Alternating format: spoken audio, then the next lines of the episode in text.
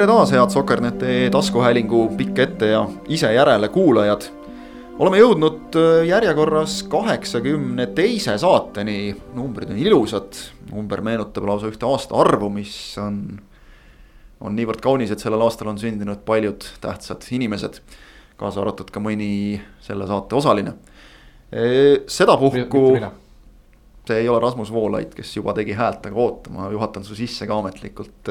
täna siin taas peatoimetaja Kaspar Elissaare puudumisel Kristjan Jaak Kangur, Rasmus Voolaid. tere, mina olen noorema generatsiooni mees. jah, ja Ott Järvela. tere. sina ei ole noorema generatsiooni mees. oi no ma olen ikka hingelt nii noor, et hoia ja keele. seda on hea kuulda. kirjutan selliseid vigurlikke lugusid, et äh, inimesed ei saa mitu päeva magada selle pärast oo jaa, eh, hea sissejuhatus, sellepärast et tegelikult me sinu eh, vigurlike lugude, ütleme siis teemadega seda saadet alustamegi.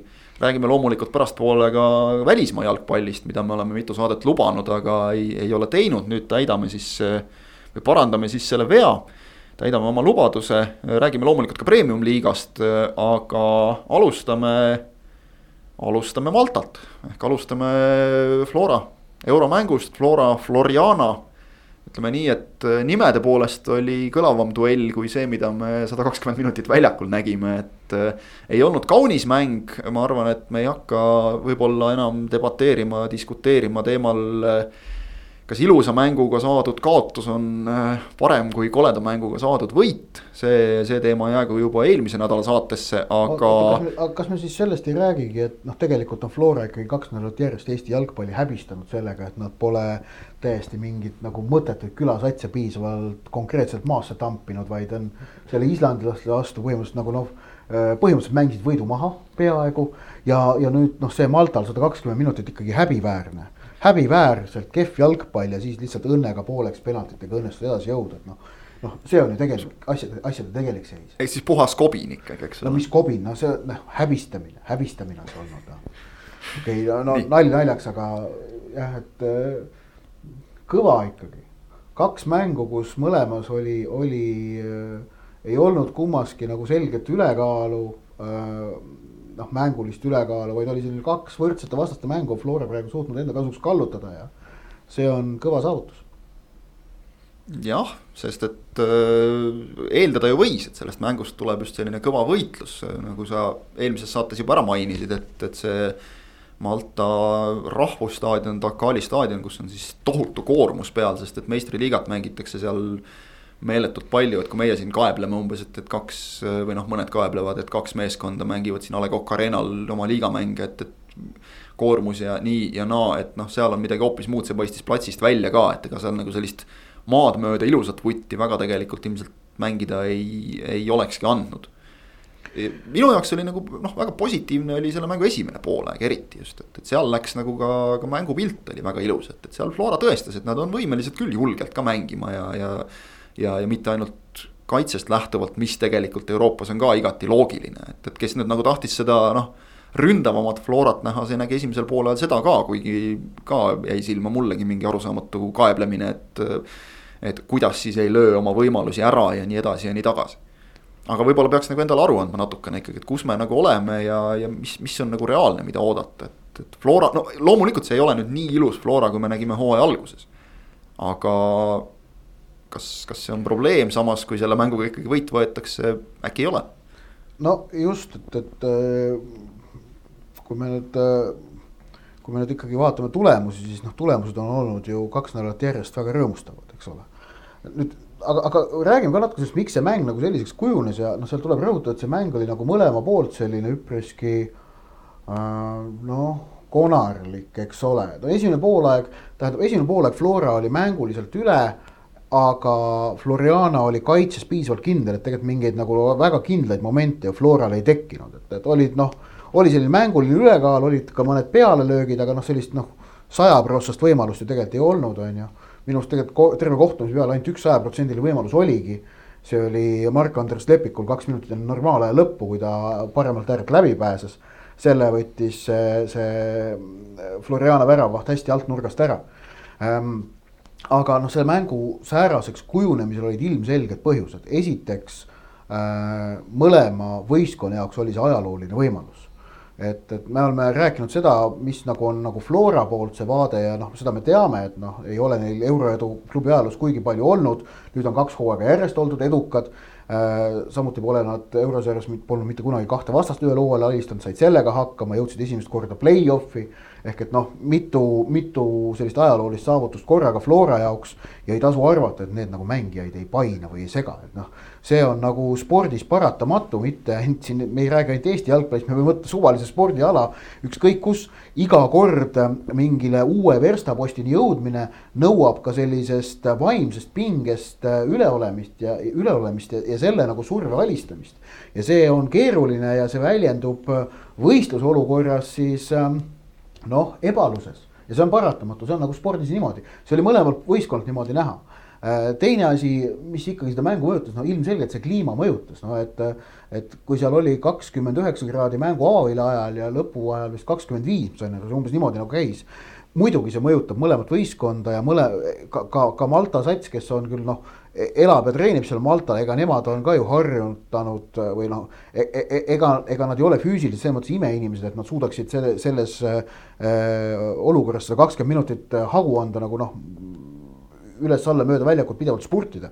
see ongi kõigi sportlaste jaoks keeruline. Äh, ilmastikutingimused tapavad mängutempot ka kõige kõrgemal tasemel, kui meenutame kahe tuhande neljateistkümnenda aasta MM-finaalturniiri näiteks, kus ka mõned keskpäevased mängud noh, veeretati palli et, et äh, praegu oli see, see oli teine põhjus ja noh, platsi kohta küll Jürgen Henn pärast mängu mulle ütles, et võimaldas mängida küll, aga minu meelest ta jäi natukene diplomaatiliseks, et, et tähendab äh, söödu kvaliteeti see, see noh see, see ei olnud mingi väga konarlik plats on ju, ta küll rebenes, aga ta ei olnud konarlik. küll aga oli selge see, et ta oli nagu väga aeglane plats. et see oli nagu selgelt näha, et noh, pall liikus aeglaselt takerdus sinna, jäi sinna platsi ikka kinni ja see paratamatult ka veel nagu seda mängutempot ikkagi surmas ja, ja lõpuks noh, asi, mis nagu veel muutis selle mängu kinniseks, oli see, et mõlemad mängisid tohutult ettevaatlikult. kumbki ei tahtnud eksida, kumbki ei tahtnud kaotada, mõlemad said aru, et kui, äh, kui null-üks kaotusseisu jääda, siis on üldiselt ilmselt on kellad, on ju. ja, ja seda nagu kumbki äh, iga hinna eest soovis vältida, mõlemad mängisid väga ettevaatlikult. ma arvan, et üks põhjus, miks võib-olla Flora mängu äh, siin, mis, miks see Flora mäng ei ole ka selline veel, nagu ta hooaja alguses või esimeses pooles oli, sest Flora ei ole, ei ole ju sättinud vormi endale septembri lõpuks sel aastal. et tavaliselt, igal tavalisel aastal hakkaks vaikselt juba hooaeg lõppema ja sel aastal nad mängivad oma võib-olla klubi ajaloo kõige tähtsamaid mänge septembri lõpus, et ma arvan, et see ka ikkagi natukene paratamatult äh,, paratamatult on, on üks põhjus. no me ei tea üldse, mis see nagu äh, noh, tähendab kõikidel võistkondadel on, on see selle hooaja, ütleme see vormikõvera sättimine ju sassi läinud seoses koroonapausiga, et. et äh, jah, seal ei oskagi öelda, kellel, kes nagu seal kus on omadega eriti euromängude puhul tuleb arvestada, et noh, osad mängivad nagu meie, eks ole, kevad-sügishooaega, osad mängivad nii, et, et nad nüüd alustasid, et noh. see. Mariana just alustas hooaega tegelikult, aga noh, samas nende see paus eelmise hooaja vahel oli ka väga minimaalne, eks ole aga noh, midagi ei, mõjutab, ütleme kasvõi. ei olnud minimaalne, õige, seal ju ei mängitud hooaega lõpuni, pikk paus oli. no just jällegi, eks ole, et, et teistpidi nagu selline pikk paus, et kuidas see mõjutab, eks ole, ja, ja noh. kõik need asjad, aga kui sa räägid sellest psühholoogilisest poolest, siis, siis minu meelest nagu ikkagi ülioluline, et, et noh, jälle penaltitele. ja tegelikult üldiselt penalteid löödi väga hästi hoiak oli hoopis teine. kui me võrdleme selle, suduva mängu penaltiseeriaga yeah see hoiak, millega Flora sellele penaltiseeriale läks, kuidas mängijad läksid äh, lööma ja teine asi ka, millised mängijad läksid lööma. lõid kaitsjad. lõid kaitsva, kaitsjad ja kaitsemängijad. Lillander lõi sisse, Kreida lõi sisse, Kuusk lõi sisse, need olid kolm lööjat, kaks kaitsjat, üks kaitsepoolik. Poom eksis ja Liivak lõi sisse, eks ole, et, et, et nagu noh, näha oli, et see võistkond oli selle teema enda jaoks selgeks mõelnud äh, ma olen eluaeg vaielnud vastu ja jään vastu vaidlema neile, kes ütlevad, penaltid on õnnemäng. ei ole. see on üks spetsiifiline osa jalgpallimängust, kus psühholoogial on väga oluline roll, aga ta ei ole õnnemäng. see on konkreetsel tingimustel teadaolev võistlus. kes seda võistlust väga pelgab, siis on võimalik lisaajal riskida ja vältida mängu penaltiseerijani minemist. et, et see on nagu alati see, ühesõnaga penaltid ei ole õnnemäng Flora vääris Mariampol Sudu vastu penaltites kaotust, sest nad olid kehvemad ja nüüd vääris Floriane vastu võitu, sest nad olid paremad. nad olid vaimselt sellest väga selgeks valmis. pärast mängu, kuidas nagu nii, nii Henn kui ka Kuusk sellest mulle rääkisid, kui ma, kui, kui see pressikonverents oli muidugi omaette noh, vaimustav sündmus, Zoomi kaudu, et, et tekitati ühendus Malta mingi tegelasega, kes seal oli, see Floriana mingisugune äh, pressitüüp. võtsin ennast seal ühendusele, Postimehe kolleeg oli ka äh, ja siis, aga noh, pressikonverents oli see, et noh, ainult mina küsisingi, tõsi küll. et, äh, et noh, seda juhtub Eestis sageli. just tahtsin öelda, et Sokkernet on ainukene küsija. see pole esimene kord okay., kas nüüd Sokkernet tingimata, aga okay. kodanik Järvela on sageli, aga noh, hea küll. aga, aga jah, et nii Kees, nii Kuus kui ka Henn märk-, noh, see, kuidas nad sellest penaltiseeriast rääkisid, nad rääkisid sellest nagu äh, väga selge veendumuse ja enesekindlusega. Nad olid välja mõelnud, kuidas tuleb lüüa, Kuusk ütles ka selgelt, et tuleb välja valida nurk ja minna sinna lööma. ja seda tegelikult, kui me vaatame, Flora äh, penaltilööjad ka tegid äh,. Lillander jah, läks läbi käte see löök sisse, aga ta oli, see löök läks sisse tänu sellele, et ta läks veendunult lööma sinna, kuhu ta läks lööma et ta ei, ta ei eba, Kreidal oli, tuli välja, et noh, tal oli väga, oli tegelikult mõnes mõttes isegi seeria kõige parem penalti mm. -hmm. sest et ta ootas ära, kuni väravast ära hüppas ja siis lõi kindlalt posti kõrvale äh,. Poom eksis minu meelest no, noh. Aga Poomil ei olnud all ka seda kogemust Suduva vastu. jah, mine tea, võib-olla, võib-olla, noh, ta vaatas tribüünilt seda mängu, on ju. noh, Kuuselt väga kindel penalti ja noh, Liivaku penaltist ma kirjutasin äh, paar tuhat tähemärki. ma just tahaks nagu, tahtsin vaielda, et, et ma ikkagi tõstaks nagu Liivaku penalti selle seeria Floral lööjate nagu noh, üldse tegelikult parimaks penaltiks. sest et kui sa äh, sinna lööd, siis see on tõrjumatu penalti. jah, samas mulle ütleme, Kreida see tehniline sooritus oli minu arust äkki isegi kergelt muljetavaldavam. nõus, maitse asi. aga jah. mõlemad head. just, aga noh, Liivaku penalti siis jah, et noh, ma ikkagi rõhutan, et see surve, mille pealt Liivak seda lööma läks, see oli meeletu. kõik teavad, et ta hooaeg on pärast et, et noh, tegelikult tal nagu on enam-vähem kõik tuksi läinud pärast, alates sellest eelmise aasta õnnetust Ukraina mängus, kus tal see, kus tal see mm -hmm. noh, mhm. äpardus juhtus.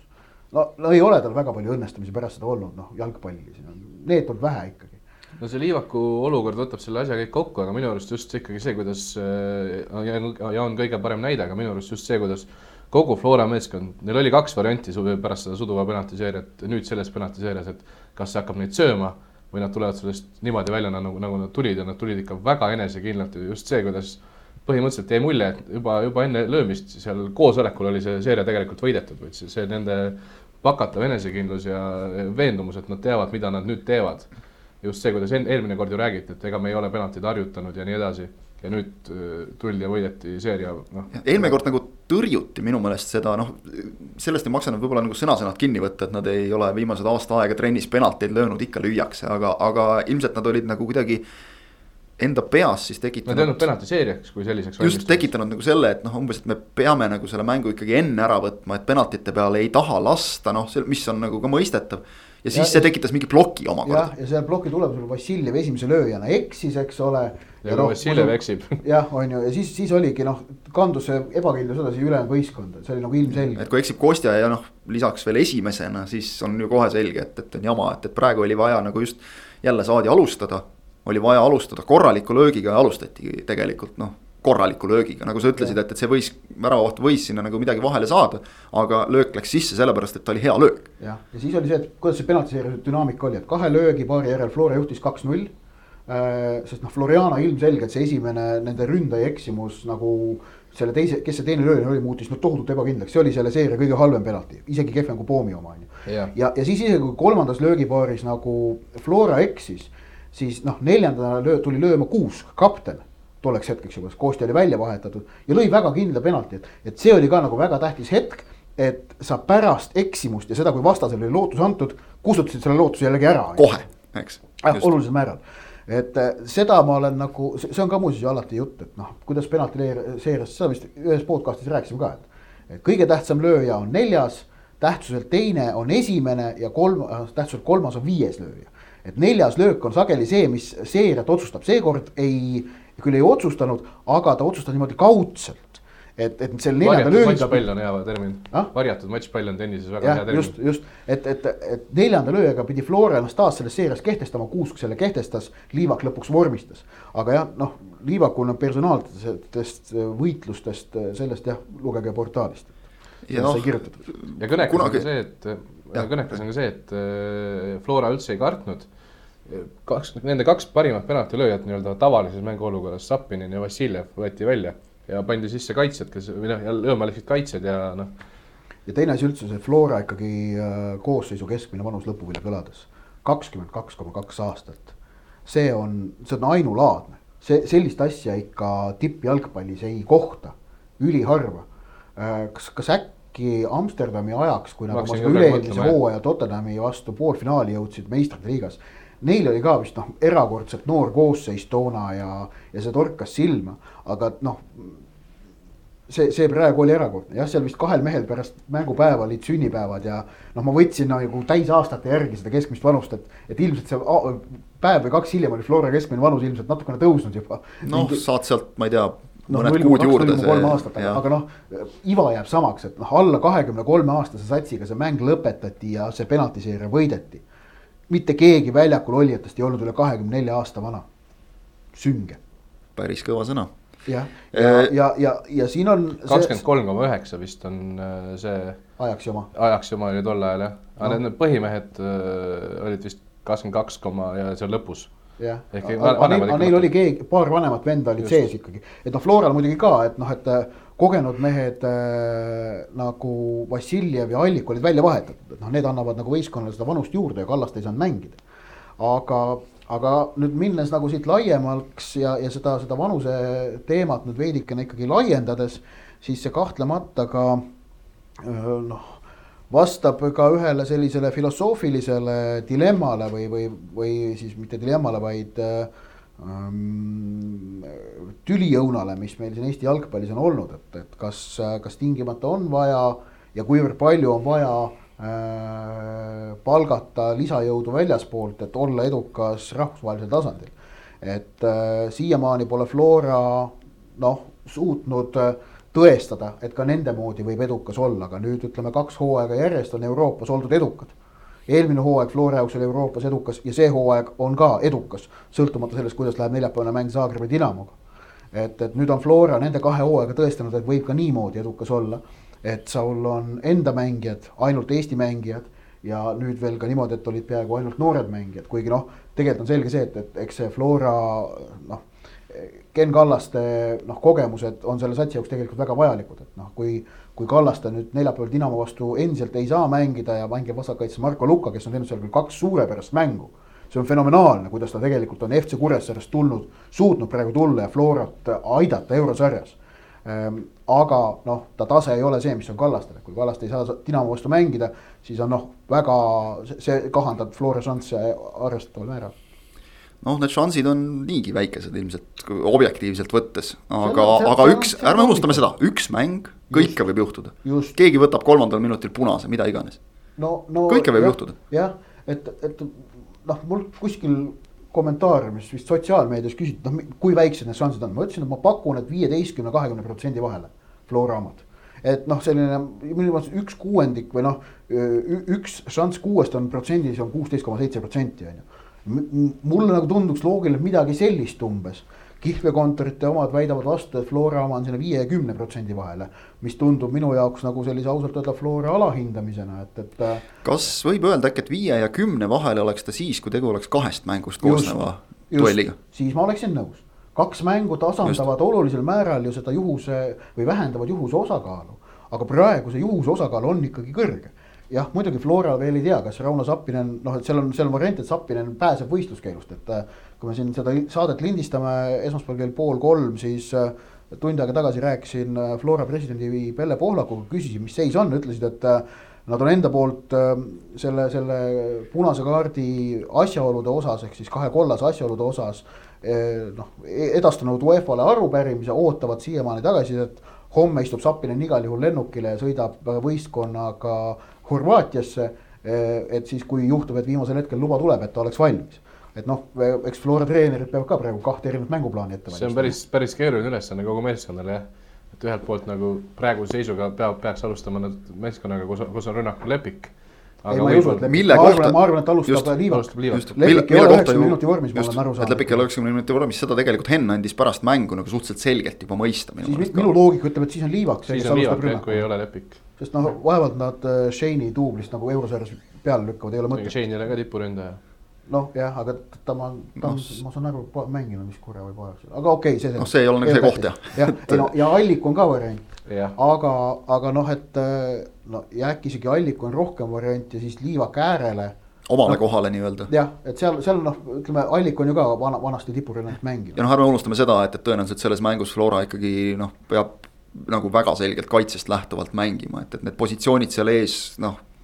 ja et seal on on, nagu küsimus nagu see, et, et noh, kuna küsimus on see, kuhu, kui ei saa mängida Zappinen ja Alliku ja Liivak jagavad omavahel ära parem ääre ja edurivi koha, siis on, siis on nüüd võtmekoht see, et kus nagu tahetakse rakendada Liivaku kiirust kas pigem äärel või proovida äh, selle kiirusega siis ütleme sealt kesktsoonist äh, Dinamo kaitseliini taha, taha nõelata. Et seal võimalik, et see äh, valik sõltub natukene ka sellest, et mis on ikkagi Dinamo koosseis mm -hmm. ja mhm. nende kaitseliini liikmete trumbid, et seda me ei tea, kindlasti Flora treeneritel on see eeltöö tehtud. et seal peab natukene seda ka valima ja, ja noh, siis omakorda on veel see, et, et kas, kas ja kuidas siis on ju noh, ütleme tipuründaja peab mängima kokku ka ääreründajatega, et, et kas Alliku noh, kuna vasak äär on Sinjavski, et kuidas nüüd klapivad Sinjavski ka vastavalt tipuründes Alliku ja Liivak, et noh, need on ka erinevad, erinevad nüansid, mida seal tuleb kaaluda. no ma usun, et tegelikult tuleb ikkagi nagu täiesti selgelt valmistuda selleks, et see mäng tuleb mängida ilma Zappinenita. sest tuleb. tõenäosus, kui me rääkisime just protsentidest, siis tegelikult tõenäosus ikkagi arvestades seda, et ta sai teise kollase kaardi on, on selle tõttu just väike, oleks ta saanud otse punase, oleks võib-olla natuke suurem. sellele, et jalgpallireeglite järgi just. ei tohtinud nende kahe kollase pealt kokku punast anda. jah, et kes nüüd ei, kes tõesti ei vaadanud või ei ole kursis hästi lühidalt, lugege ühe. reedest. reedel kirjutasime pikalt. lugege sealt, eks ole, ühe, ühe kollase saad normaalajal, küsimus on nüüd selles, et, et penaltiseerias tegelikult nüüd nii-öelda teist kollast kohe anda ei saa, on võimalik anda penaltiseeria jooksul kaks kollast näiteks ja siis eemaldada. aga seerias ei saa anda ja samas nüüd see, et mis puudutab seda, mis toimub pärast lõpuvilet, mille eest Sapinen siis sai, sai oma te teise kollase ja, ja ta eemaldati. et see nagu on selline hall ala kuidagi reeglites. kas see isegi, on penaltiseeria osa või see on muu mängu just, osa või? et isegi siin Eesti, Eesti tippkohtunikega noh, nagu tekib nagu see, on, tekkis neilgi nagu see küsimus, et kuidas siis on. et see on ühesõnaga ilmselt tegemist jalgpallireeglites halli tsooniga mis äh, järgmise aasta reeglites kirjutatakse täpselt lahti mm. -hmm. praegu see on jäänud nagu kirjutamata, et on noh, selline pime nurk, nõnda öelda autojuhtide keeles vist on õige öelda selle kohta jäänud. et kus nagu ei, ei ole täpselt fikseeritud, kuidas peab, peaks tegutsema. nüüd on küsimus see, kas see vaidlusalune olukord lahendatakse mängija kasuks või mitte. no see, see on nagu, sellega ei tasu rääkida, muidugi peab Flora valmistuma selleks, et Sapinen ei ole et see, kui ta, kui ta sellest võistluskeelust vabaneb, see oleks nagu ikkagi äh, ootamatu. boonus, boonus ja preemia Äh, aga, aga noh, ja siis ongi vaja nagu leida see optimaalne koosseis, kuidas seda Dinamot proovida murda ja. ja noh, loota, et Kallaste on tagasi, kaitses on vaja ülikõva mängu. Äh, ja siis loota, et, et kuidagi õnnestub, noh nii, nii. läheb, kui läheb penaltiseeria peale, siis jällegi see Flora enesekindlus ilmselt, eriti kui nad tulevad, nende jaoks on sinna jõudmine saavutus. minutit on sinna penaltiseeriani aega, et ma sellele ei, ei, ei panustaks, aga.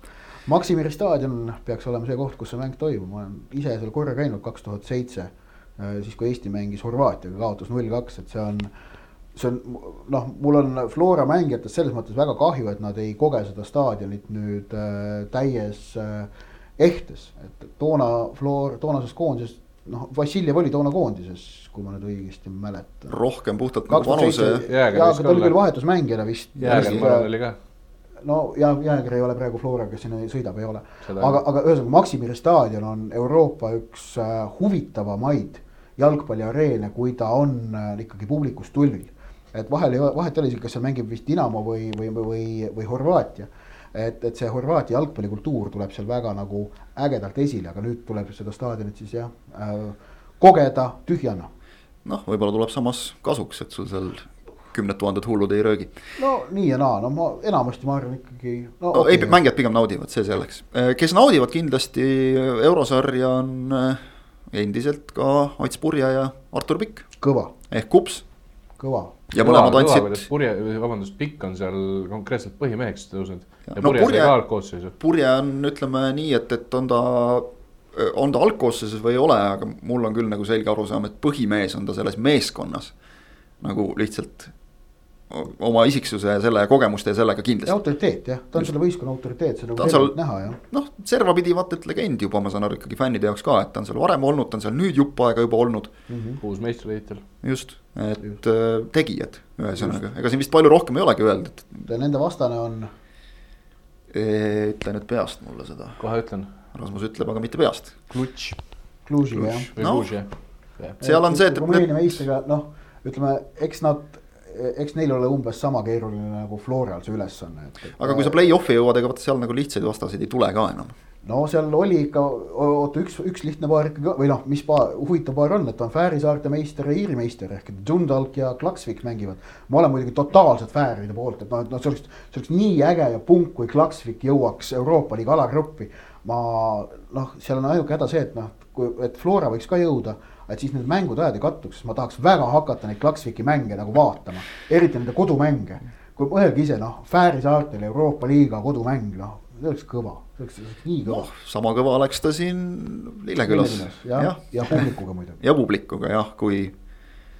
hea küll, neid nimesid ei hakka nimetama. aga ma nõu-, aga, aga see küll, et noh, et noh, näiteks Lillekülas me, staadion võtab viisteist tuhat, noh siia panna kolm-neli tuhat inimest niimoodi, et see on ohutu kõigi jaoks, ei ole probleem. kindlasti, neljale eri tribüünile eri sissepääsudega. me ei ole, see staadion ei asu selles mõttes kesklinnas, et, et siin nagu ei oleks võimalik ka ligipääsu hajutada. siin on võimalik ka ligipääs hajutada, mitte ainult staadionil viibimine.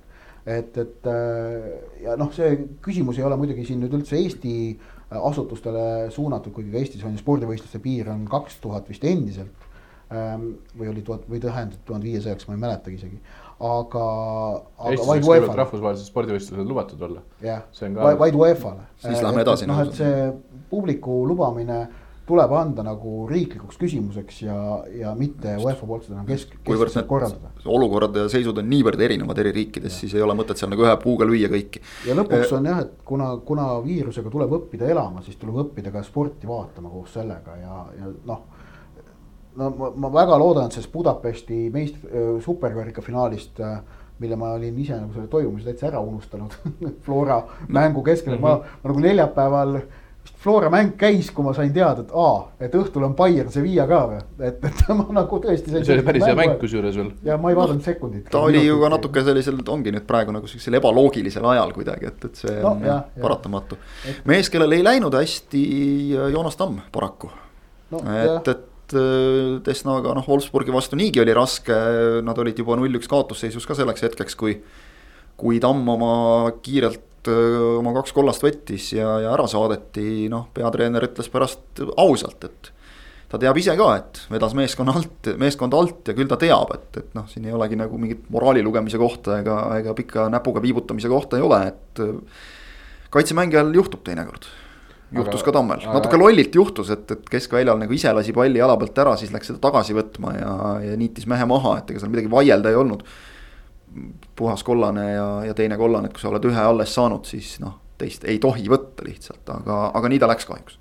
Eesti jalgpallisõbrale kuidagi mõnes mõttes oli see ka hästi südamlik, et seal oli ju, ta on ju üks suurimate eurokogemustega mängija, oma, oma võistkonnas Joonas Tamm on nagu selline, sellise tiitliga, et noh see mõnes mõttes nagu ikkagi sümpaatselt olulises rollis on ta ka selles meeskonnas. kahju jah, et nii lõppes, aga noh, ikkagi jälle minna nagu Saksa noh. Bundesliga klubi võib ikkagi nagu nimetada tippklubiks nii või teisiti et.... päris karm euro, euro, euroloos oli sellepärast, et neil oli ju Euroopa liigasse jõudmiseks oli vaja alistada kõigest kaks vastast. Nad tulid alles selles voorus tulid mängu ja said kohe talle Wolfsburgi nojah, aga see on see, et, et kuna Desnal varasemat eurosarja kogemust ei ole, siis nende aset, noh, neil ei olnud koefitsienti, neil ei olnud asetust ja siis võibki niimoodi juhtuda, et see nagu on, on, et isegi nagu tippriigi klubil, kui sul ikkagi koefitsienti ei ole, siis sa oled asetamata, meistrite liigas me teame samamoodi, et et kui tuleb mõnest tippliigast mõni uus klubi, et Atalanta yeah. oli eelmine hooaeg äh, neljandas potis on see hooaeg, äkki on kolmandasse tõusnud, aga ei pruugi. kusjuures ma ei mäleta nüüd peast.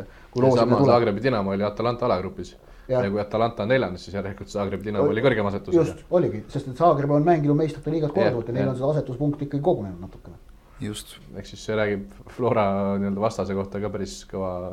no ei, no selge see, et Zagrebi Dinamo on, on noh, tähendab see, et nad on, on ju meistrite liigas korduvalt mänginud, ei saa öelda, et nad oleksidki nagu Euroopa mingi ütleme neljakümne, viiekümne tugevama klubi seas, aga Äh, nad on, äh, nad on väga selgelt üks nagu tugevamaid meisterklubisid äh, nende riikide seas, kes seda meistrite liiga kohtasid noh, välja mängivad seal reaalses elus.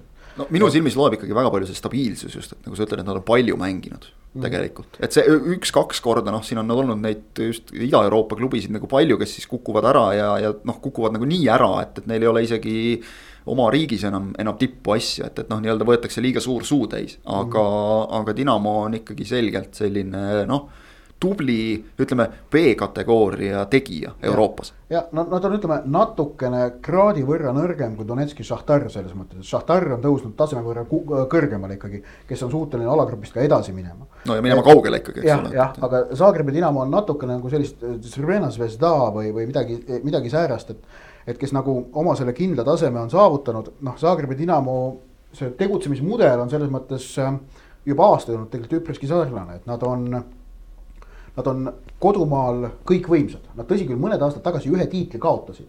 Äh, aga tegelikult nad vist, aga see on vist ka ainukene tiitel, mille viimase umbes kahekümne aasta jooksul on kaotanud. Äh, ja, ja nad on, nad on tänu sellele, et nad on Euroopas sageli jõudnud alagruppi, on nad saavutanud kodumaal tohutu finantseelise kõikide teiste Horvaatia klubide ees. mis võimaldab neil tegelikult Horvaatias olla natuke nagu Müncheni Bayern on Saksamaal. ehk et see, keda nad Horvaatias tahavad, selle nad ka ostavad.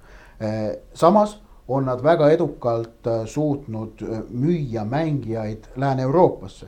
ja seekaudu teenivad klubile veel lisavahendeid, mis kindlustab veelgi nende finantspositsiooni kodumaal ja võimaldab neid tiitleid võita. Äh, ning, ning noh, neid, neid kahte asja ära kasutades ongi nad siis edasi jõudnud, no ennast seal tippu kinnistanud aga noh, nad on ka väga edukalt ikkagi noorte jalgpallurite arendajad, et nad suudavad Horvaatia mängijaid viia välismaale. kas ma julgen öelda eeskuju Florale? teatud määral kindlasti. see oleks väga kurb, kui Eestis üks klubi hakkaks niimoodi domineerima, nagu Zagrebi Dinamo on domineerinud Horvaatiat. Dinamo äh, domineerimine Horvaatias on toodud, on kõige sagedam äh,, sagedamalt äh, toodav näide, kui räägitakse sellest, mida praegune eurosarja auhinnarahade süsteem, kuidas ta võib väiksemaid riike ja väiksemate riikide jalgpallielu ära rikkuda et see on nagu selgelt üks näide, et Horvaatia on üks näide, kus on ära rikutud sellega, et tänu sellele, et üks klubi on saavutanud järjest neid tiitleid ja seda raha, on ta saavutanud noh, monopoli sest et praegu oleks, eks ole nii, et Floral on noh, võimalus teenida nüüd miljoni ringis. üks koma neli on on käes. üks koma neli on käes äh,, alagrupi jõudmise baastasu on kaks koma üheksa. minu meelest siis, kui nad sinna alagrupi jõuavad, siis sellest ühe koma neljast arvatakse vähemalt mingi mõned sajad tuhanded maha eelringide boonused vist jäävad, meistriboonus ei jää. ehk et aga sellele kahe koma üheksale anyway tulevad juurde teatud väikene pott nagu seda telerahast, tõsi küll, see on nagu Flora suguse klubi jaoks, kes tuleb Eestist, on see väga väikene summa. aga, aga seal siis iga viik on, on, maksab, iga võit maksab. Ehk et noh, me räägiksime kolme, vähemalt kolmest miljonist, ilmselt neljast ja võib-olla natukene enamast see on jah, selles suhtes on päris karm, et eh, kui vaadata teisi klubisid, kuna üks koht kaob ära, ehk siis Paide, Paide, Kalju või Levadia ei saa üldse Euroopasse järgmiseks aastaks. Flora ei põhi... ole välistatud, et nendest ei saa kaks tükki.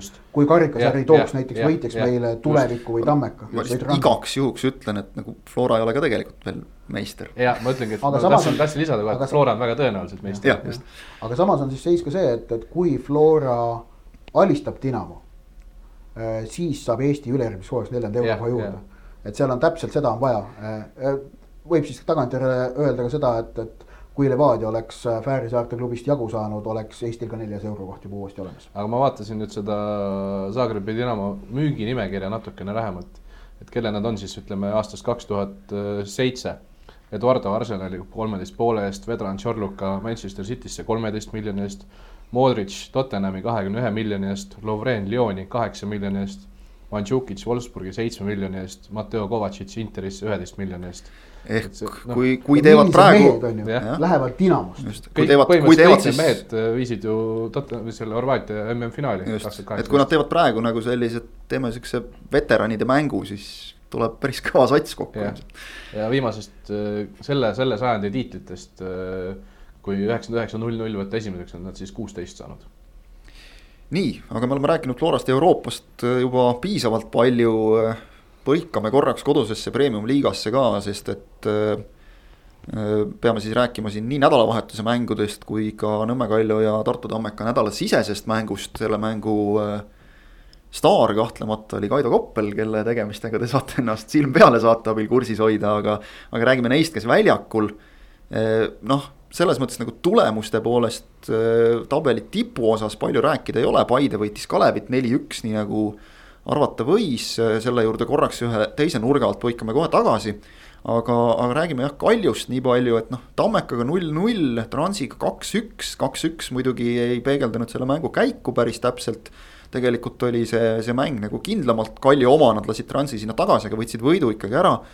kõiki asjaolusid arvestades need kahest mängust neli punkti, noh, vist on nagu enam-vähem okei okay Kalju jaoks võib vist nii öelda. jah, ma arvan, et kui hakata võtma, et tulid tagasi Levadiaga napp kaotus siis said Tammekaga võõrsil viigi kätte ja nüüd võitsid Transi ehk siis nagu noh, kogu see kompott, kui arvestada, võtta nii-öelda see äh, koroonapausi, teise koroonapausi, Kalju koroona isolatsioonipausi järgne aeg kokku, siis see on kuidagi noh, liigub õiges suunas, tundub see, see meeskonna vaim ilmselt oli, oli nagu kõige suurem võit nii-öelda, mille Kalju nendest mängudest kaasa võtab ja noh, see teadmine, et olgu ükskõik kui raske meil on, me, me saame hakkama, noh nüüd nad peaksid hakkama nagu.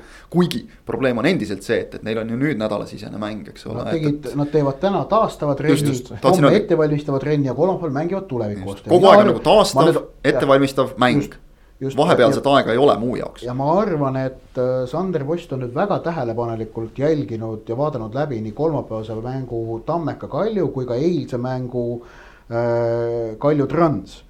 kus tegelikult ka Kalju Leer ise pärast eilset mängu ju nii Kristal kui ka Meerits ütlesid mulle, et, et noh, et äh, esimese poole mängisime okeilt või mingi kolmekümnenda, kolmekümne viienda minutini ja et sama oli ka Tartus olnud.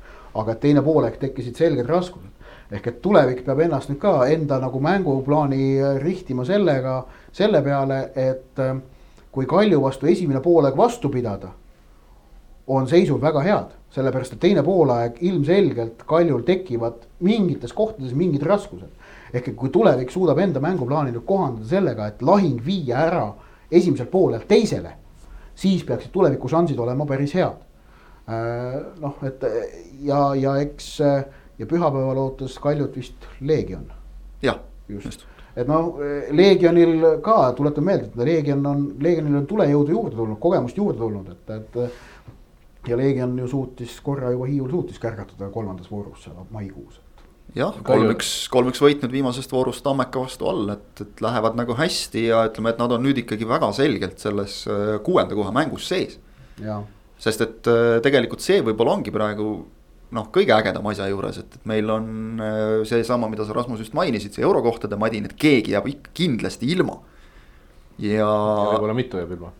jah, see ka muidugi täiesti võimalik. ja, ja siis äh, tuleb seal see kohtadel, äh, ühesõnaga siis noh, madin kuuenda koha pärast, sest noh, tulevik on praegu natukene eest ära. samas tuleviku jaoks. kuue sekka jääb no kuue sekka vast jääb jah, ütleme nii, aga, aga kuuendast üheksanda kohani need meeskonnad on praegu viie punkti sees. Tammekal kakskümmend neli, Transil Leegionil kakskümmend, Kuressaarel üheksateist. ja Tammeka Trans on kusjuures nädalavahetuse mäng. jah, ja, ja nädalavahetuse mäng on ka Kuressaare Kalev, et seal on kümme punkti vahet, noh, kui see mäng lõpeb mis iganes muul moel peale Kalevi võidu, siis on äh, selge noh, si-, sisuliselt on siis selge, et, et Kalevil ei ole sellest viimasest kohast pääsu. kui nad sealt võtavad kolm punkti, siis ütleme, lootus jääb. aga, aga see muidugi on jälle selles mõttes vahva lugu, et, kuidas nagu ikkagi jalgpallis saatus keerutab need asjad kokku, et Kalašnikovs läheb Kalevit päästma kuhu mujale kui Kuressaarde, kus ta oli tema eelmine peatreeneri koht ehk et äh, kindlasti seal tuleb ka väga äge lahing, eriti arvestades seda, et Kuressaarele nüüd maksis tõesti kätte see, mis, millest me oleme rääkinud tegelikult siin hooaja algusest peale. see, et nad võtavad meeletult palju kollaseid kaarte. Rasmus Saar võttis tuleviku vastu kaks tükki korraga, jääb punase tõttu eemale. ja, ja lisaks veel kolm põhimeest äh, kollasega eemal sellest mängust neli meest eemal, noh sisuliselt, okei okay,, Kelder tuli vahetusest, aga, aga noh, sisuliselt kõik neli võiksid olla algkoosseisu mehed. no Kelder tegelikult on Kuressaare. no tegelikult on ka jah, nii et äh, äh, Kelder, Soomre, Saar ja kes meil neljas oli? ei tule kohe praegu ka. kohe peast ei tule, aga, aga ühesõnaga ja, ja ma, ma nüüd täpselt ei tea, et Pajunurm on ka vist nagu kerge küsimärgi all oma kaudsete kokkupuudete tõttu selle koroona haige inimesega, et, et äh, ei ole kerge, ütleme niimoodi. ja, ja, ja Kuressaarel jah, hetkel tuleb vaadata pigem üle õla, vaadata, et see Kalev õnnestuks seal hoida ja siis hakata vaatama selle kuuenda koha suunas. ehk et äh, kõva võitlus ja, ja vaadates. Seeman jäi vist mainimata. Seeman jah, just. et, et kõva võitlus ja, ja noh, Leegioni kolm-üks võit Tammeka üle ikkagi. see oli ka selline mäng, mille noh, halvemal päeval Leegion oleks võinud ära anda. Ehk see näitab ka just äh, ikkagi, et, et neil on nagu nüüd peas vist lõpuks nagu asjad paika loksunud ka mingil moel Leegion on muidugi täiesti ettearvamatu, et noh, seda näitas kõige paremini eelmise vooru kaks-kaks kohtumine Kuressaarega, et väga halb esimene poolaeg, väga korralik teine poolaeg. aga, aga see, see tuleb, see tuleb üks, üks kõva nädalavahetus premium-liigas, siin tuleb nii palju olulisi mänge, et noh, seda me tegelikult tahakski, et kõik mängud midagi määravad. tahaks eraldi välja tuua ikkagi ja kiidusõnad anda Deniss Vnukovile, kes tegi täiesti noh, kümme kümnest platsile tuleku. Mees tuli sisse ja esimene pallipuude oli karistuslöök, mis lõpetas väravast, nii et see, see näitab klassi ja, ja Vnukov mängis ju tegelikult olulist rolli ka Kuressaare mängus, kus tema andis selle nurgalöögi, millest algas äh,, algas tagasitulek, kui ma õigesti mäletan, oli sedapidi. igatahes tuli sealt värav e,. miks ma ütlesin enne, et põikame korraks tagasi Paide ja Kalevi mängu juurde, see noh, mõjutab kindlasti Paidet aga võib mõjutada ka Eesti koondist, Ott, sa olid seal mängul kohal, kommenteerisid, sa rääkisid äh, poolajal. Henri Anieriga, kes vigastuse tõttu välja, välja võeti, põrkas väga õnnetult vastu posti ja, ja ei saanud isegi esimest poolega lõpuni mängida, kuigi mõni minut oli jäänud, see nagu näitas, et asi oli tõsine. kui tõsine siis ikkagi sel hetkel tundus Nad, nad, eks see oli kõik esmane emotsiooni mulje, ta oli ju selle paugu saanud seal umbes kümme minutit varem, kui ma seal poolel jah, kaks lauset vahetasin, kui ta sealt alustas lonkamist riietusruumi suunas, et, et see. pikk maa on minna Paides. oli noh, noh näha oli, et valusähvakad käisid nagu vaata, et iga sammuga läbi, on ju. et, et noh, põrutus oli tugev, see on nagu selge. Nüüd eks, eks nüüd see nädal annab meile selgust, et mis see nagu seis on, et esiteks, kas ta saab mängida Levadia vastu, mis on Paide jaoks ülitähtis mäng pühapäeval. ja siis sellele järgnevad juba jah, koondise mängud on ju, et, et mis on meil vist äh, Äh, neljapäev, pühapäev, kolmapäev rütmiga seekord, sest et. Äh, kolm mängu jah. jah, et seal on, äh, seal on kolmemänguline aken. jah, eks maavõistlus ka veel e,. nagu sa ütlesid jah, see, see Paide järgmine mäng on, on nagu hetkel kindlasti tema jaoks fookus, et seal on teda hädasti vaja, nüüd ta alustas, lõi kaks tükki. jaa et hakkab vaikselt vormi jõudma, seda on selgelt näha mängudes ka. ja, ja et noh, aga, aga Paide üldse mängis, noh Kalev vast tegi sellise kindla partii, et Kalev näitas oma seda uut sisu taaskord, aga, aga jah, samas Paide kokkuvõttes võttis nagu klassiga selle mängu ära, et. just tahtsin öelda, et nagu Kalev oli jälle, jälle tubli, aga noh, Paide lihtsalt on, oli liiga kõva nende jaoks no,. Paide kaitseliini noh, noorusest on täna siin räägitud, siis, siis muidugi muljetavaldav oli ka see, et keskkaitsepaariks äh, Jussif ja Pelt, mõlemad üheksateist, Jussif tolles mängus muidugi no tegi ühe suure koogi ja proovis seal veel paar korda teha, aga, aga samas noh, see enesekindlus, mis tal nagu palliga mängus on, see on jällegi teistpidi muljetavaldav, et, et jah eks seal tuleb millalgi seda kooliraha maksta. Äh, loodab ilmselt Paide väga, et see kooliraha ei tule mängus Levadiaga, vaid äkki tuleb see kooliraha just nimelt mängus Kaleviga. aga noh, suures plaanis on tegemist väga nagu potentsiaalika keskkaitsjaga ja, ja seda paari oli üldse sümpaatne vaadata, et üheksateistaastased mängisid ja. ja, ja Kurutšagat polnud koosseisus, ka see oli pingil seekord Paidel oli üldse jälle suhteliselt selline kõva pink, et kes sealt sinilaid ja, ja kes seal kõik istusid, et, et Paidel on, on sügavust. See... Karl Mööl, Karl Mööl siis on ju kaitsva poolkaitse positsioonil ka nüüd noh, ütleme huvitav eksperiment, et äh, Kalevi vastu sai ta igatahes seal noh, kenasti hakkama, eks seal seda kaitsvat tööd oligi vähem vaja teha. Äh, söödud kaitseliini taha, millega ta eelkõige leidis paremalt äärelt turri. Äh, neid nagu tuli päris mitu, et, et need olid nagu huvitav, huvitav näha, et kas nüüd kavatseb Zahovaiko teda seal ka rohkem, rohkem tarvitada, sest et noh, äärekaitses ilmselgelt Möölil praegu kohta ei ole. Saliste ja Sannech on need kohad endale võtnud. jah, ma just vaatasin ka, et, et noh, ilmselgelt Mööli nagu üritab kuidagi mahutada platsile Zahovaiko, sest et ta on oluline mees meeskonna jaoks, aga. aga noh, see on selline treeneri nagu positiivne probleem, luksusprobleem, kui sul on, on nii palju häid mehi, et kõik ei mahu ära seda on pikal hooajal kahtlemata tarvis. nii et tuleb äh, põnev nädalavahetus. Äh, aga oli ka põnev nädalavahetus ja, ja oli just, just ennekõike välismaal. ehk et äh, ma arvan, alustame välismaa jutte Inglismaast, sest et seal äh, väga Sorry. palju vastuolusid jälle just ennekõike ja, ja noh ikkagi nagu ei saa ilma tülita kuidagi. et meie õnneks ei pea ütlema nagu Jose Murillo, et, et äh, kui ma tahan oma raha ära anda, siis ma annan heategevusele, mitte Inglismaa jalgpalliliidule, seetõttu ma neid olukordi, mis väljakul aset leidsid, ei kommenteeri, meie ei pea kellelegi maksma, me saame rahulikult rääkida. Inglismaa jalgpalliliiga fänn on praegu vist päris hea olla, sest kuni, kuni publikut ei ole tribüünil, siis põhimõtteliselt paned hommikul TV3 spordi käima ja vaatad äh, kümnest kümme mängu ära. terve voorus on vist ära vaadatud praegu. nüüd siis järgmine nädalavahetus tuleb nii, et, et on lausa üheaegsed mängud, kujutate ette, kohutav lugu aga sel, sel nädalavahetusel ei olnud väga hullu. ennekuulmatu. ennekuulmatu lugu, et ei saagi vaadata nelja mängu järjest iga päev. aga. millisest alustame siis? no ma ei tea jah, täpselt ongi, millisest alustame, et, et siin äh, üritasid nagu kõik kõvemad klubid nädalavahetusel näidata, et nad kaitses ei oska mängida, aga. aga meeskond tegelikult nagu oskas kaitses mängida üheksakümmend viis minutit, sai sellega hakkama täiesti. oli Tottenham, kes ei lubanud Newcastle'il teha mitte ühtegi raami läinud pealelööki välja arvatud äh, sügavatel üleminutitel äh, nendega vastu määratud penalti, mille loom-, otse loomulikult Callum Wilson lõi sisse. ja Newcastle võttis äh, üks-üks tulemusega punkti ei näe just väga sageli seda, et pärast mängu nagu viimastel sekunditel viigi päästnud meeskonna peatreener ütleb, et kuulge, et. et see otsus, mis meile selle värava tõi, et see, see on jama ju, et lõpetame ära, aga, aga ometigi Steve Bruce seda tegi. Erik Taieri käsi, noh, nüüd ongi jälle see, et pall käis ilmselgelt vastu kätt, käsi muutis äh, palli lendu. Äh, käsi oli kõrgel. aga samas on see nüüd kõik selline, mida vaadatakse varriga ja, ja mõõdetakse selle millimeeter paberiga nii-öelda ja, ja joonlauaga. ja ühtepidi ja teistpidi. Kärral oli umbes äh, neli sentimeetrit pääsenud suluseisu jõudmisest. jah, just see veel. neli millimeetrit isegi. jah, et, et, et ikkagi nagu see, et, et kas see varr kisub siis nagu selle hinge välja jalgpallist või ei. sest et äh, tegelikult, mida ütlesid ka kõik nagu pärast, et kohtunik äh, ei ole ka mitte milleski süüdi, kohtunikele on antud väga selged juhised sellised olukorrad vilistada penaltiks. et vot nüüd me jõuame nagu selleni, et kui eelmisel aastal sai veel süüdistada kohtunikke, et, et noh, nad on ise rumalad ja ei oska otsustada. et nüüd ikkagi nagu tundub, et reegel on kuidagi vildakas või. nojah, sest ju käiakse ise vaatamas see aasta, mis on tegelikult hästi tore tegelikult see on nüüd nagu paika loksunud, et kohtunik teeb ise selle otsuse. seda on kuidagi oluliselt lihtsam minu meelest ka Mõista. vaatajale nii-öelda maha müüa. et see võib, varem võis see ka sündida nagu kohtunike omavahelise arutelu käigus, et Varr ütleb peakohtunikule, et noh, minu meelest võib olla nii, aga sina otsustad ja peakohtunik ütleb jah, okei okay,, mina otsustan, aga mulje jääb nagu oleks mingisugune otsus tulnud Varrilt, et praegu on see, et, et kui ta käib seal ekraani juures ära, siis ikkagi on nagu selline selge signaal, et see on tema otsus mis on pigem kasulik, ma arvan, kohtunikele.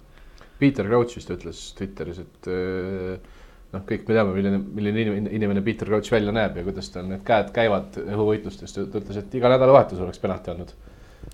kui, kui tema oleks äh, nii-öelda tänasel päeval jalgpallur et, et see on, on nagu keeruline, et noh, kuidas sa, kes on jalgpalli mänginud, et kuidas sa nagu lähed hoo pealt õhuvõitlusesse nii, et, et su käed on kuskil, ma ei tea, kõrval või taskus või selja taga sõrm so, seongus või, või mida iganes, et, et see ei ole nagu väga mõeldav. see löök tuli maksimaalselt, maksimaalselt meetri kauguselt pigem. ja selja tagant, ja selja tagant, et noh, seal nagu rääkida mingist tahtlikkusest äh, ülimalt keeruline ja, ja tegelikult siin eelmisse vooru jäi, jäi veel üks selline otsus, kus löödi nagu vist Crystal Palace'i mehele, Joel Wardile pall mõne meetri pealt vastu kätt ja, ja penalti, et, et noh.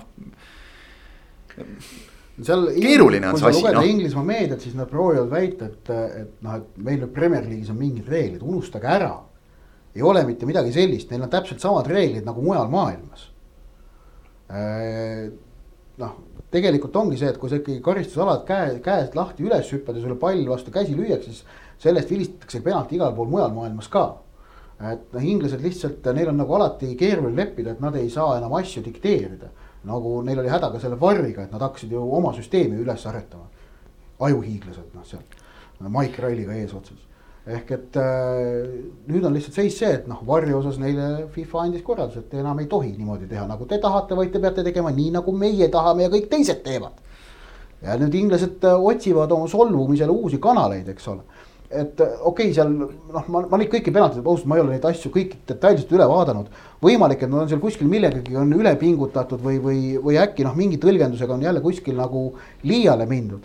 aga suures plaanis see inglaste hala ja häda selle üle, kuidas nende mängu rikutakse ära ja niimoodi. see on jällegi taaskord täiesti küündimatu ja kokkuvõttes tuleb sellest lihtsalt nagu seda eirata tervise neile sinna saarele no just.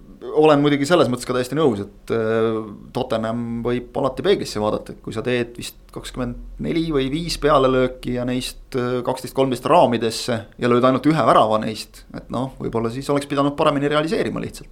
kui sa niivõrd selgelt mänguliselt üle oled Äh, Spursile ja võib-olla nüüd see, need kaotatud kaks punkti on nagu kõige väiksem mure siin isegi kui vaadata teisi meeskondi, et äh, Manchester City kaitseliin äh, ei ehitanud mitte ühte ega isegi mitte kahte, vaid ehitas kolm penaltit mängu jooksul Leicesteri vastu, et noh, selle peale muidugi Man Citylik lahendus, et vist kas samal õhtul teatati, et juba, juba uus mees tuleb. Dias Benficast, aga, ja Otamendi antakse vastu. aga, aga noh, ikkagi see oli jälle selline mäng, ma tean, et oli nii mõnigi, kes eks ma isegi nagu pöörasin pilgu sellelt mängult ära pärast neljandat minutit, kui Riyad Mahrez äh, üks-null lõi, et noh, selge. Läheb jälle nii nagu ikka ja siis mingil hetkel pandi jälle telekas tööle, kui selgus, et on üks-üks ja. ja, ja Lester tuli tagasi ja tuli võimsalt. et, et Man City, see on ikkagi nagu hea näide, et, et raha ei osta kõike, et sa pead need mehed ikkagi kokku ka panema mängima kuidagi eelmisel aastal oli kaitsega kõvasti probleeme, tegelikult võib öelda täiesti selgelt selle taha jäi tiitel. või vähemalt noh, oleks Liverpooliga oldud natuke kauem konkurentsis. Tundub, et uus aasta või uus hooaeg, sama reha. jah, et võis ju arvata, et äkki need probleemid on, on ikkagi mingis mõttes nagu noh, kas taktikalised või võistkondlikud, aga aga nüüd see Lesteri mäng viitab küll sellele, et need võivad olla puhtalt nagu individuaalsed probleemid, et selles mõttes, et noh, et lihtsalt mängijate tase pole piisav Äh, mis oleks muidugi päris nagu kokkuvõttes ikkagi päris üllatav, et kui nagu, kui nagu tõesti on nüüd nii, et, et Guardiola on nagu sellest, kuidas öelda, et Guardiola ei käi enam sellest äh, City olukorrast üle. et noh, et, et see eelmine hooaeg ei olnud juhus, et nad nii palju mänge kaotasid, siis äh, minu jaoks oleks see üllatav. aga see Lesteri mäng oli City jaoks kindlasti väga suur ohusignaal ja äh, kindlasti väga suur äh, kuidas öelda, selline turgutav teadmine Liverpoolile sest et noh, kokkuvõttes ikkagi on keeruline näha, et mõni sats peale Man City oleks äh, hooaja lõikes Liverpoolile ohtlik. noh, kui siin hakata potentsiaalseid kandidaate nimetama, siis noh, õigemini maha kriipsutama, siis noh, nii Chelsea kui Man City kui Man United on ju senise hooajaga tõestanud, et noh, nad on kõik väga haavatavad moel või teisel. Äh, sats, kes, äh, kes, kes ei ole seni nõrkusi näidanud, ongi nüüd Arsenal, kellega täna õhtul Liverpool mängib. ja Everton jah, ja siis on, on ju mustad hobused, noh eelkõige Everton, nüüd ka natukene Lester. et, et ähm, ma nägin juba seal noh, mõned Inglismaa ajakirjanikud toodi väga huvitavalt välja äh, aspekt, mis ilmselt äh, ja mis ei pea, pea paika ainult Inglismaal, vaid peab paika ka tegelikult äh, nii äh, Saksamaal kui ka Itaalias äh,, võib-olla teatud piiril isegi Hispaanias. ehk et kuna graafik on sel hooajal erakordselt tihe koroonaviiruse tõttu, äh, sest hooajad on alanud hiljem Äh, samuti on koondise pausid äh, siin nüüd oktoobris ja novembris on ju veidikene pikemad. Äh, samuti hooaeg peab lõppema varem, et saaks algat-, alata EM-finaalturniir. siis kuna graafikud on kõigil tihedamad ja mängijad on niikuinii kurnatud ka sellest, ütleme tavapäratust rütmi tõttu, tavapäratu rütmi tõttu. pausi ju kahe hooaja vahel väga ei olnud no just ja, ja samas oli see paus, oli siis väga pikk paus jälle koroona ajal, mis oli noh, no ühesõnaga mm. -hmm Äh, on väga palju asju, mis ei ole nii nagu tavaliselt, siis suureneb jällegi ettearvamatuse äh, osakaal, mis omakorda suurendab võimalust ikkagi mingitel üllatajatel esile kerkida äh,. pakuti veel ka seda, et ühelgi suveräänsel valitsejal ei tule asi tänavu niivõrd lihtsalt. noh, Bayerni kaotus Hoffenheimile mine tea, äkki see viitab sellele, äkki see oli juhus, noh, seal on, no muidugi Bayern tuli ka, aga, aga me nägime jällegi, Bayern tuli selle tiheda graafiku pealt, nad olid kolm päeva varem mänginud Sevillaga, ei suutnud enam lihtsalt, ei jaksanud. ja sada kakskümmend minutit mänginud Sevillaga, et meist-, tuletan meelde, et meistrite liiga mängud, mis on need, kus on ju, kuhu on vaja alati panustada. Need tulevad sel hooajal pooleteist kuu jooksul, tavaliselt tulevad nad ligi kolme kuu jooksul. nüüd on pooleteist kuu jooksul mängitakse meistrite liiga alagrupp ära. pärast koondise pausi alustatakse ja, ja jõuludeks on valmis üks paremaid. ehk et ja, ja see nagu meistrite liigas osalevatele klubidele tekitab raskusi silmas pidades koduseid meistrivõistlusi. no Kas kõikidele näiteks..., kõikidele eurosarjas osalejatele, eks ole, Euroopa no, liigat mängivad ka paljud. E, jah, aga noh, äkki näiteks, äkki näiteks Arsenalist rääkides, et äkki, äkki Arsenal otsustab, et saadavad Euroopa liiga kukele, mängivad lastega. see võib olla muidugi. ja, ja, ja noh, kui äh, noh, see samas meistrite liiga alagrupi kukele saata ei saa, ei saa. on ju, et seal, seal nagu noh, mine tea, äkki, äkki me oleme, äkki, äkki sealt saab Arsenal mingisuguse edu sisse või, või ka Everton, kellel üldse seda eurosarja ei ole. ja, ja Itaalias samamoodi, et noh, Juventusel on, on äkki on keerulisem see aasta äh, iseloomustamaks seda, kui hull see graafik praegu ikkagi tippklubide jaoks võib olla. Äh, Tottenhamil oleks olnud, kui nad oleksid ära pidanud oma liigakarika mängu Leighton Orientiga mis jäi nüüd selle tõttu ära, et vastastel oli, oli koroonahaigeid kõvasti ja seda lihtsalt edasi liigutada kuskile ei andnud, kuna tuli uuel nädalal juba või tuleb nüüd uuel nädalal juba järgmine ring peale.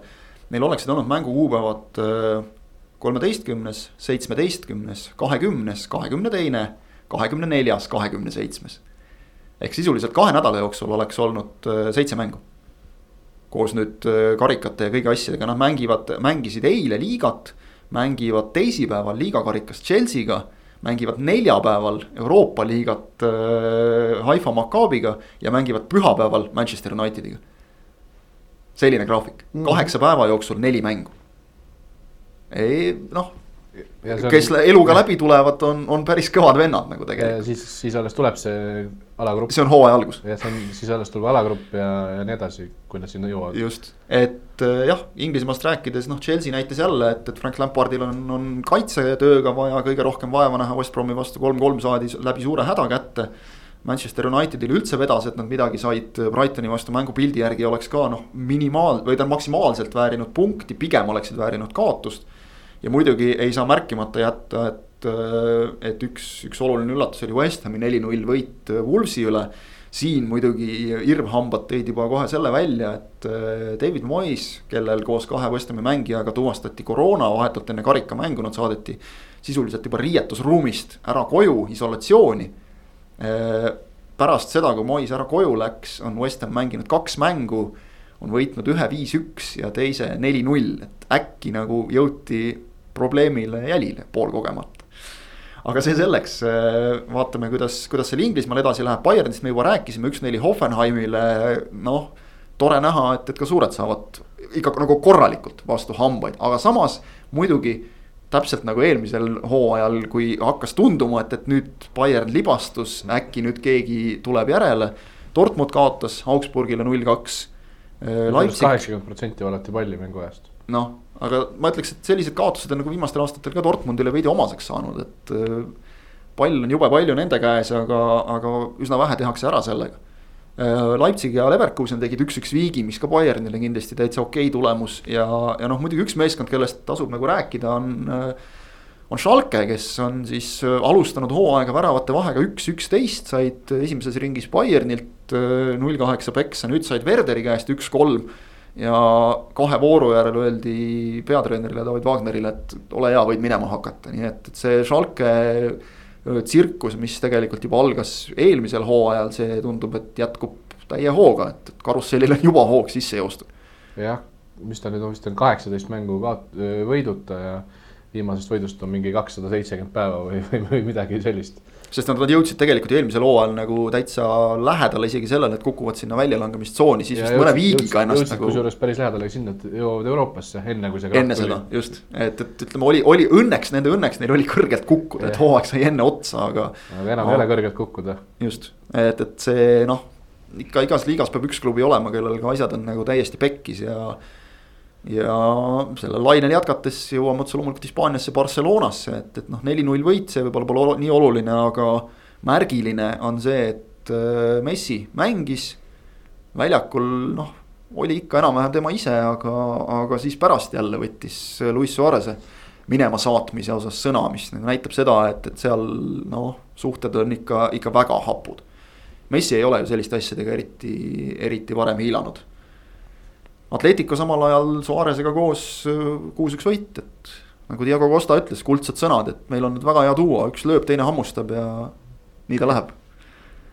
eile oli tegelikult ilus päev, kui Barcelonaga kaotanud oleks, siis äh, Bayern ja City kolmeväravaline kaotus äh, ühel päeval. ei ole, ei ole kurb ja Itaalias. Äh, ja Juventus oleks ka peaaegu. jah, Juventus oli ka lähedal tegelikult, et noh, oligi, et Rooma käes oli mäng, aga, aga Juventusel oli Ronaldo nagu, nagu seda ikka, ikka tihtipeale juhtub. kaks väravat, pool tundi vähemuses mängimist, aga ikkagi üks-kahe pealt tagasi tulla, kaks korda kaotusseisust välja tulla, et noh, ütleme, et. oli nagu näha juba teatud olukordades selle esimese vooru kolm-null võidu järel Sampdoria üle, et Andrea Pirlol on veel peatreenerina hea algus, aga nüüd oli näha, et on ka veel nagu üht-teist õppida, samas minu meelest suutis ta nagu mängu käigus asju ikkagi piisavalt hästi kohandada, kümnekesi mängides, jätta Ronaldo siis üksinda ette, noh, et las ta siis teeb ülejäänud peavad taga hoidma asjad korras, hoidsid ka, noh muidugi tuleb tänada Edin Tšekot, kes kaks suurepärast võimalust äh, lihtsalt mööda lõi, aga. aga Napoli, kes võitis Genot äh, kuus-null, mängib nüüd järgmises voorus Juventusega, nii et, et sealt tuleb, ütleme juba kolmandas voorus kõva andmine, nii et äh, ega ühtegi sellist igavalt alanud liigat, kui vaatame Prantsusmaad ka, kus BSG on juba peksa saanud, siis mm, -hmm. siis ei olegi. mis on ainult positiivne, et noh, ainus, kes muidugi pilti rikub, on see neetud Liverpool jälle vaatame, kuidas see õhtul sellega on. ei, ei hakka ka kirjama igaks juhuks. selle, selle loogika järgi nad saavad sealt ka mingi null neli, nii et, et see, see, see võiks nagu ju muuta pilti natukene elavamaks, aga ühesõnaga põneval ajal elame, võib vist öelda. Jalgpall Euroopas on huvitav, Eestis on huvitav, tasub vaadata, tasub nautida ja, ja kuulata tasub ka. aitäh, et teie kuulasite. Äh, tänasele saatele saame sellega joone alla tõmmata, loodetavasti järgmisel nädalal on meil ikka natuke rohkem rääkida, et praegu me venitasime kuidagi hädapärast tunni täis, aga. aga selline tunne nagu poleks saadet teinudki, nii et äh, vabandame kõigi ees, kes tahtsid äh, kuskile jälle sõita täpselt ja olid omale selle tund kakskümmend välja mõõtnud, nii et. Äh, et järgmine kord püüame paremini, aitäh, Rasmus, aitäh, Ott, kuulame jälle